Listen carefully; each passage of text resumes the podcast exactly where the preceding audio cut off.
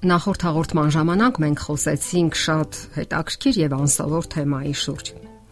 Ինչ կապ կա փնթիության եւ մարդու վարքագծի միջև։ Խոսեցինք այն մասին, որ կարգու կանոնը կամ փնթիությունը եւ իրերով խճողված լինելը ազդում են մեր վարքագծի վրա։ Իսկ կանայք նույնիսկ սթրեսի մեջ են ընկնում, երբ սենյակները լեցուն են անկարևոր իրերով, որոնք կուտակվել են բազմաթիվ շոփինգների ժամանակ։ Ընդ որում, եթե շոփինգի կամ առևտրի թողած ազդեցությունը շատ արագ է անցնում եւ կրկնություն է պահանջում, ապա ճամփորդությունների, էքսկուրսիաների եւ պարզապես հանդիպումների պատճառած բավականությունը դեռ երկար ժամանակ մնում է մեր հիշողության մեջ եւ նաեւ դրական հույզեր ապարգևում։ Փնթիություն եւ ախորժակ Ինչ կապ կա սրանց միջև։ Գուցե տարօրինակ թվա, սակայն փորձերը ուշագրավ բացահայտումներ են արել։ Պարզվում է, որ անկարգ փնթի եւ իրերով լի բնակարանները ազդում են նաեւ սլնդային կենսաձևի վրա։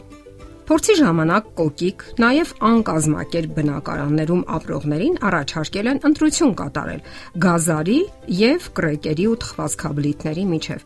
Կոկիկ իրերով չխճողված բնակարաններում ապրողները գերադասել են առողջ ծնունդը, գազարը։ Իսկ հա հակառակ կողմը գերադասել է անառողջ ծնունդը, այսինքն կրեկերն ու թխվածքաբլիթը։ Սակայն հանուն ճշմարտության պետք է նշել մի կարևոր պահ Պարզվում է, որ անկարգությունը միայն բացասական կողմեր չունի։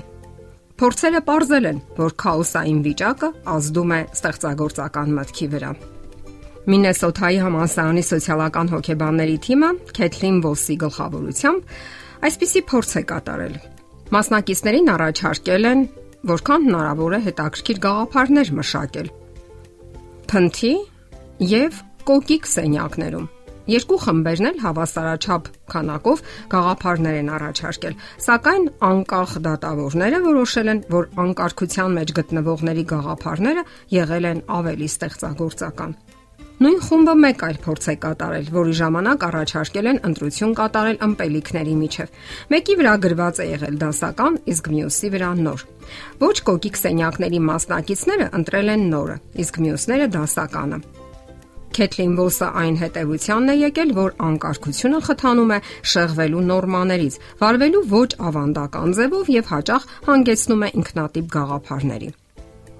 Հասկանալի է, որ իրերի եւ նյութական ունեցվածքի հանդեպ խոր հակվածությունը բացասական հետևանքներ է թողնում մարդկային հոգեբանության վրա։ Սակայն ինչն է պատճառը, որ նույնիսկ իմանալով խառնաշփոթության թողած բացասական հետևանքների մասին, մարդիկ այնքան դժվարությամբ են ազատագրվում այդ կախվածությունից։ Ինչու են շարունակում կարճել իրերից եւ ամբողջ կյանքը նվիրաբերում են իրեր ձեռք բերելուն եւ կուտակելուն։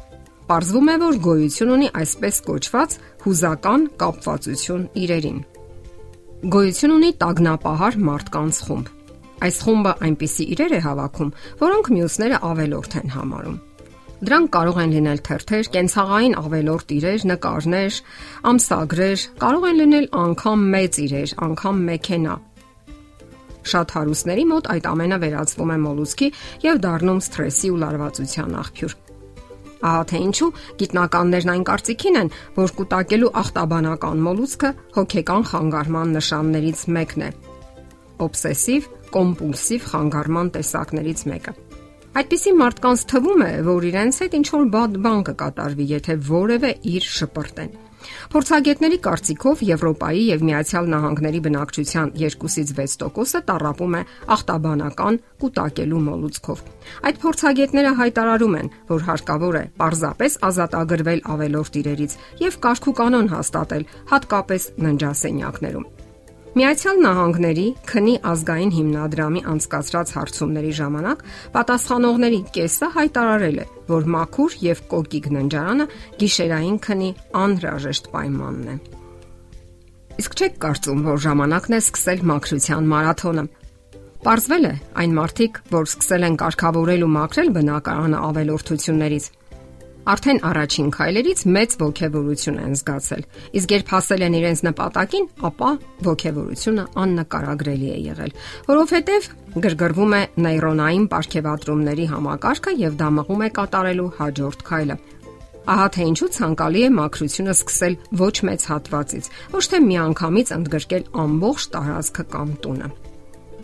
Իսկ ինչպես ազատագրվել թանկարժեք իրերից։ Հասկանալի է, որ այնքան էլ հեշտ չէ թանկարժեք կամ սրտին մոտ իրերից հրաժարվելը, որոնք հիմնականում կապված են հիշողության հետ։